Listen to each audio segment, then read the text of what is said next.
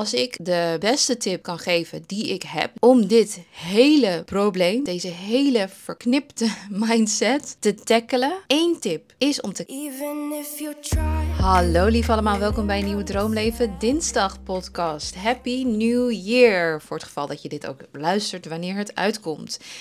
New Year, New Me. Altijd gepraat over dit wordt mijn jaar. Deze keer ga ik het allemaal waarmaken. Of uh, wat was het afgelopen jaar toch pittig? Het was niet makkelijk. Bla bla bla bla bla. Um, niet dat ik het een soort van wil um, kleiner maken dan het is. Maar elk jaar kent alle kanten. Naar mijn idee. En natuurlijk is het soms overtreffender de ene kant op en over, of overtreffender de andere kant op. Maar het is denk ik erg zwart-wit om te denken dat je alleen maar de ene kant wilt. Want waarom zijn dingen eigenlijk geweldig of mooi of fijn? Dat is omdat je weet wat niet geweldig is, wat niet mooi is, wat niet fijn voelt. Anders kan je het eigenlijk nooit bestempelen als iets wat gewenst is, als je het ongewenste nooit hebt gekend. En deze mentaliteit zit dus ook door veel mensen hun gedachten rondom het afvallen. Ja, we gaan daarheen. Want dit is de tijd van het jaar waar ik heel veel te zeggen heb en heel veel mensen probeer op te vangen, omdat ze er toch mee bezig zijn. Ik weet namelijk zeker dat er weer een hele grote groep mensen is die tussen aanhalingstekens gaat beginnen op 1 januari. En al helemaal omdat het een maandag is dit jaar. En omdat ze dat zo hebben besloten, hebben ze op oudjaarsdag zoveel meer gegeten dan hun lichaam wilde, of dan ze zelf ook wilden of nodig hadden. En dat creëert een hele gekke energie om de volgende dag tussen aanhalingstekens, te beginnen. Niet alleen omdat je dat gat tussen de laatste dag van je oude leven en de eerste dag van je nieuwe leven veel groter maakt dan het eigenlijk is, maar ook omdat je met het gevoel van een achterstand begint. Want je begint niet vanuit een normale staat. Je begint vanuit een staat waar je jezelf helemaal hebt uitgerekt richting de kant waar je niet op wilde. Want dat is natuurlijk de reden dat je gaat beginnen op 1 januari. Nou, vraag jezelf heel even af, hè? dat als je blijkbaar heel graag iets wilt voor jezelf, afvallen, slanker worden, alles in dat, in dat stukje, in dat uh, mandje. Maar je op de laatste dag, voordat je begint aan een leven waar je blijkbaar heel graag iets wilt voor jezelf, compleet het tegenovergestelde doet van hetgene wat je zegt te willen. Wat zegt dit eigenlijk? Welk signaal geeft dit af? Aan jezelf, aan je onderbewuste, aan de spirituele kant van dit alles? Je zegt eigenlijk dat je een bepaalde uitkomst wilt, maar totaal geen zin hebt om ermee bezig te zijn en eraan te werken. Want waarom zou je dan zo losgaan de dag ervoor? Ik ga dit even onderverdelen in twee categorieën. Ik heb dat heel duidelijk zo in mijn hoofd. En meestal krijg ik het ook wel goed op papier, maar ik ga het nu in een podcastvorm overbrengen. Eerste is mensen die ooit slanker zijn geweest en heel graag terug willen naar dat gewicht of iets in die richting. Tweede categorie, mensen die nooit slanker zijn geweest, maar dit wel willen, alleen dus geen idee hebben hoe dat voelt, het slanker zijn, zeg maar. Laten we even inzoomen op beide groepen. Beginnen met groep 1. Nou, je was misschien van nature ooit slank. Je hebt geen dieet gevolgd. Je dacht niet veel na over wat je at en je gewicht, et cetera. Misschien zat je op een sport, fietste je veel, was je gewoon een actief mens en zijn die dingen veranderd in de loop der jaren. Maar heb je met je eten niets aangepast of sterker nog, misschien ben je wel wat meer gaan eten hier en daar en zonder dat je het door had, zijn de kilo's over de jaren heen erbij gekomen. Nou, ik zie dit bijvoorbeeld bij meiden van de middelbare school, waar ik vroeger bij zeg maar, op school zat, die toen de tijd hartstikke slank waren, maar eigenlijk niet bewust daarmee bezig waren. Sommige daarvan zijn nu enorm aangekomen en zijn ontzettend aan het struggelen, omdat ze niet goed weten wat het was wat ze toen deden of aten of dachten om dat gewicht stabiel te houden. Zij hebben geen jaren tijd, werk, aandacht, zelfontwikkeling daarin zitten. In zeg maar waarom ze eten wat ze eten, wat ze erbij voelen en al die dingen.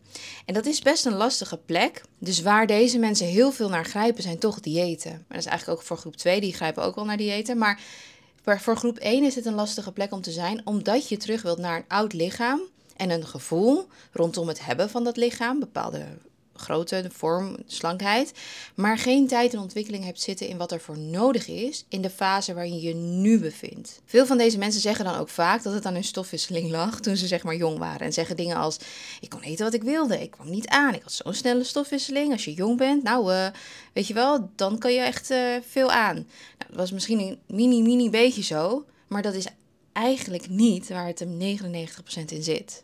Want ja, ik was ook jong had ik dan ook een snelle stofwisseling.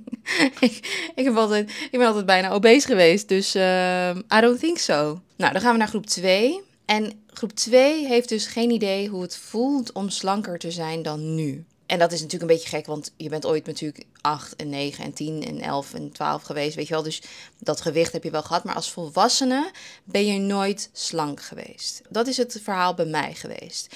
Dus waar streef je dan eigenlijk naar? Hoe weet je dat de dingen die je nu doet, misschien met pijn en moeite, zoals sporten en voedingskeuzes, et cetera, et cetera, hoe weet je dat dat het waard gaat zijn? Je moet eigenlijk gissen dat het slanker zijn zo fijn voelt dat het het waard is om deze dingen te doen.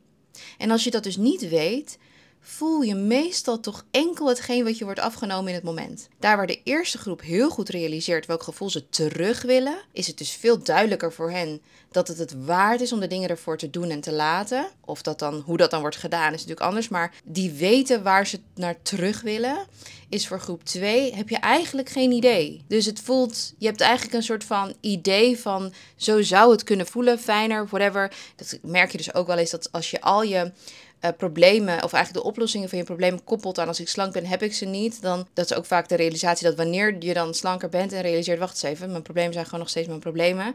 kom je in een heel ander aspect terecht van mentale struggles. Maar um, dat is voor iedereen een proces om zelf te ontdekken. Ik kan het wel vertellen, maar mij had je het ook niet kunnen vertellen. Ik moet het gewoon doormaken allemaal. Dus Beide groepen hebben zo'n eigen struggles. En het is goed om dus te realiseren welke struggles bij jou horen, want dan kun je ze gaan tackelen. Nou, in welke groep je ook valt, ik zie eigenlijk weinig mensen praten over dat het in beide gevallen niet moeilijk, niet zwaar, niet lastig en al helemaal niet restrictief hoeft te zijn om slanker te worden. Alleen ja, vanuit de dieetindustrie is dit natuurlijk niet echt te verkopen. Mensen hebben natuurlijk veel liever een tijdelijk dieet, wat compleet anders is dan hoe ze nu eten. Want dat contrast, realiseer je dit goed, dat, dat contrast wat er is, voelt goed. Alsof het extra helpt om te krijgen wat ze nu totaal niet hebben. Want een beetje minderen met dit, een beetje met dat, een beetje meer bewegen, wel wat lekkers, maar bewuste momenten, etc. Dat is gewoon veel meer werk en voelt alsof het niet drastisch genoeg is voor de drastische resultaten die ze willen. Maar ik wil iedereen die er zo in staat even vragen: hoe ver ben je gekomen in de alle afgelopen jaren waarin je wilde afvallen? Is het gelukt met die mindset, met die methode, met die manier? Hoeveel nieuwe diëten, pillen, methodes ga je nog proberen die zo anders zijn dan je huidige eetpatroon? Die niet afgestemd zijn op jouw leven en jouw behoeftes.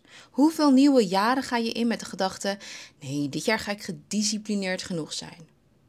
Want het is geen kwestie van discipline. Het is een kwestie van het hele systeem hacken vertrouwen leren hebben in jezelf, jezelf dat lekkers gunnen, maar tegelijkertijd ook die kleine stappen buiten je comfortzone zetten. De stap om te durven geloven in die nieuwe versie van jezelf en jezelf als hem of haar te gaan gedragen. Nu al, in het hier en nu. De stap buiten je comfortzone door je maaltijden een beetje hier en daar aan te passen de stappen buiten je comfortzone die wel vanuit je comfortzone komen. Dus niet een compleet drastisch verschil zijn met überhaupt je leven.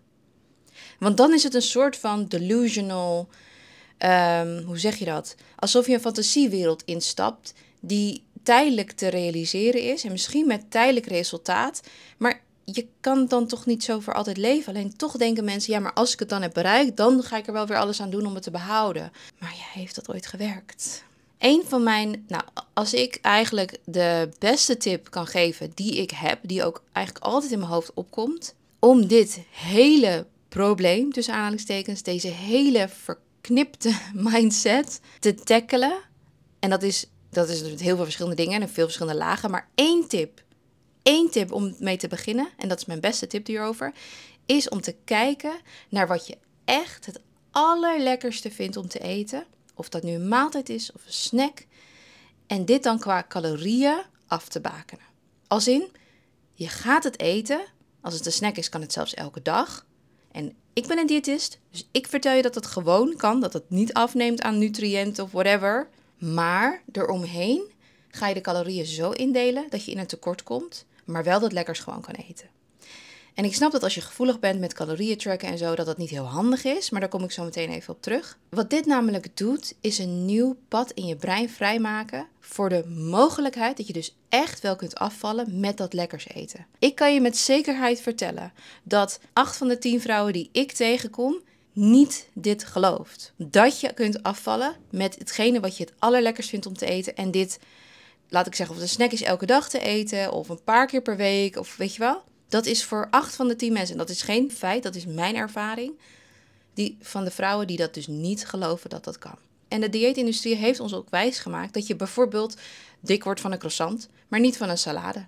Maar wat nou als je zo'n zin hebt in dat croissantje en daarna bijvoorbeeld drie à vier uur niet meer denkt aan eten, omdat je zo verzadigd bent, mentaal en fysiek, maar door die salade die je eigenlijk niet per se wilde, daarna de hele tijd iets wil snacken. En er komt nog bij dat dat croissantje en die salade gewoon dezelfde hoeveelheid calorieën kunnen hebben. Je lichaam denkt niet, hey, dit is een salade, dus hier val ik vanaf. Of dit is een croissantje, dus dit ga ik opslaan als vet. Nee joh, je lichaam kent enkel koolhydraten, eiwitten, vetten, vitamines en mineralen. En de combinatie daarvan in calorieën. Of het nu via een croissantje of een salade binnenkomt, wij als mensen hebben er labels aan geplakt. Je lijf weet van niks. Je lijf weet letterlijk van niks. Maar je lijf kan wel reageren op jouw schuldgevoel en rotgevoel rondom het eten van dat croissantje. En die moeten we gaan neutraliseren. Dat is mijn, dat is mijn missie, zeg maar. Dat neutraliseren gaat namelijk het beste als je het ten eerste gaat toestaan, dus dat het mag. En vervolgens het ook nog calorie-wise uh, zeg maar gaat integreren. Zodat je dus ziet dat het allemaal heus wel meevalt en het echt wel te doen is om in een tekort te komen, terwijl je de dingen eet die je lekker vindt. Wat er dus vaak gebeurt uh, in mijn beleving is dat mensen die geen idee hebben, het overschatten en daardoor denken dat ze het hebben verpest en dan dus nog veel meer losgaan. En dat dan dus echt wel ja, eh, veel meer eroverheen gaan dan nodig was geweest. Ja, hoe kan je dat nou het beste zeggen? Ja, jullie snappen denk ik wel wat ik bedoel. Maar zoals ik zei, niet iedereen heeft een gezonde relatie met voeding en calorieën tracken en zo. Dus als je calorieën tracken niet fijn vindt en je daar gevoelig voor bent, dan is dat Bodyboost programma wat ik heb perfect in dat opzicht. Er staat namelijk nergens calorieën bij vermeld, maar ik zorg dus wel met mijn berekeningen dat jij in een tekort zit. En je hebt elke dag iets van koekjes, wijn, snoep, nootjes, etc. waar je uit kan kiezen. En niet alleen dat, ik vind het heel interessant, want de meeste comments van mensen die Bodyboost doen, is de laatste dag van de eerste week, waar je echt een hele grote hoeveelheid aan snoep, chips, ijs of chocola uh, kan kiezen om te eten. Dus een van die dingen. Maar dan krijg ik dus van die berichtjes van dat ze dus op dat weegschaaltje de hoeveelheid snoep doen en denken, huh, meer, meer, maar klopt dit wel? En dan DM'en ze me, klopt dit wel? En dan zeg ik, ja, het klopt. Kijk maar naar de uh, reviews ook, want daarin komt het dus ook voor dat mensen verbaasd zijn dat ze zoveel van dat mogen.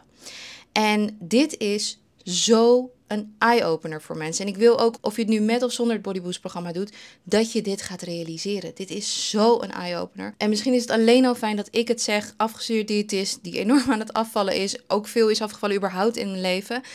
Uh, maar dus ook in Bodyboost dat je dus weet, hey, dit is een afvalprogramma en hier staat het erin. Dus dan kun je het veel meer loslaten. Je kan er dus op vertrouwen dat ik heb gezorgd dat je in een calorietekort zit en die dag dus gewoon onderdeel is van dat afvalproces. Het is niet een dag van, oh ja, vandaag hebben we niet een tekort of wat dan ook, dus vandaag is een soort van stabiel dag. Nee, het is onderdeel, het is nog steeds een tekort. Je hoeft dat gevecht dus niet met jezelf aan te gaan. Te gaan gissen hoeveel het is, denken dat je er overheen zit, dan maar nog meer eten omdat het toch al is verpest, et cetera.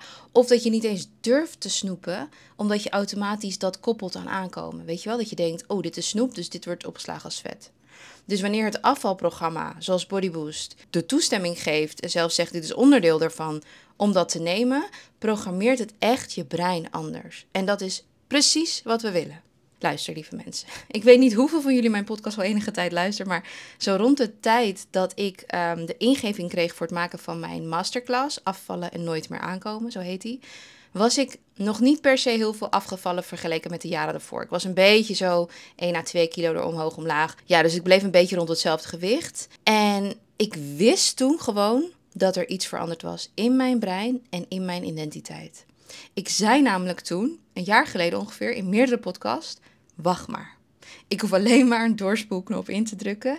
En die mensen die toen luisterden, ik zei ook, jullie die nu, nu luisteren, hebben geluk. Want als je dit van me aanneemt, kan het ook jouw leven veranderen. Nou, we zijn nu bijna een jaar verder en het verschil is aanzienlijk. Ik ben enorm afgevallen in een jaar vergeleken met zeg maar de jaren ervoor. Het is in één keer een soort van er is iets, er is gewoon iets veranderd. Ik weet wat het is, ik vertel het ook in die masterclass, maar ik wist het van binnen gewoon.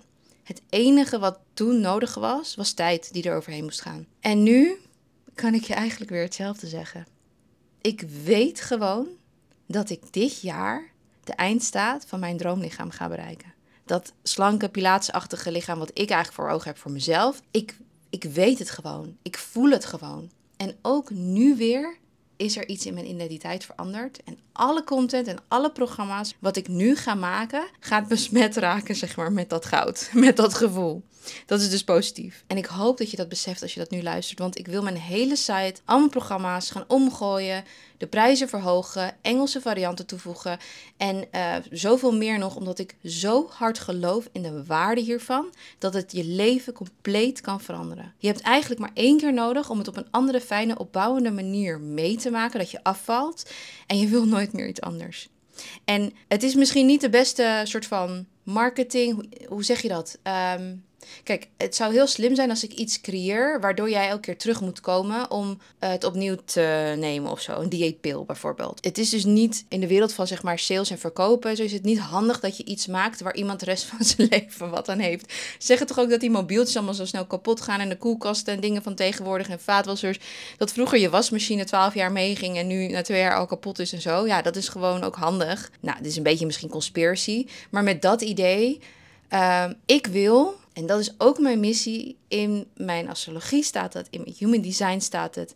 Om vrouwen, of eigenlijk mensen die hiermee struggelen, rondom hun lichaam, zelfbeeld, gewicht, afvallen en helemaal verknipt zijn door eventueel de dieetindustrie of dat ze ooit op dieet gingen of mensen die allemaal dingen vinden en zeggen om hun leven te veranderen voor eens en voor al. En ik weet dat ik het je kan bieden, omdat ik het levende bewijs ben daarvan. En ik ben niet veer in mijn eigen reet aan het steken, maar ik ben eigenlijk authentiek aan het zijn deze keer. Dit jaar, deze keer. Ik wil zeggen, gewoon vanaf nu. Maar in ieder geval is het mijn plicht om het de wereld in te brengen. En hoe het dan ontvangen wordt, dat moet ik loslaten.